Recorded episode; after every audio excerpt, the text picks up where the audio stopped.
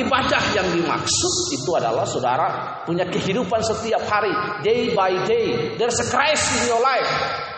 Ada Tuhan dalam hidup. Perhatikan di situ, Tuhan sebagai pemilik dari hidup, dari pelayanan berkata kepada mereka, I know about you.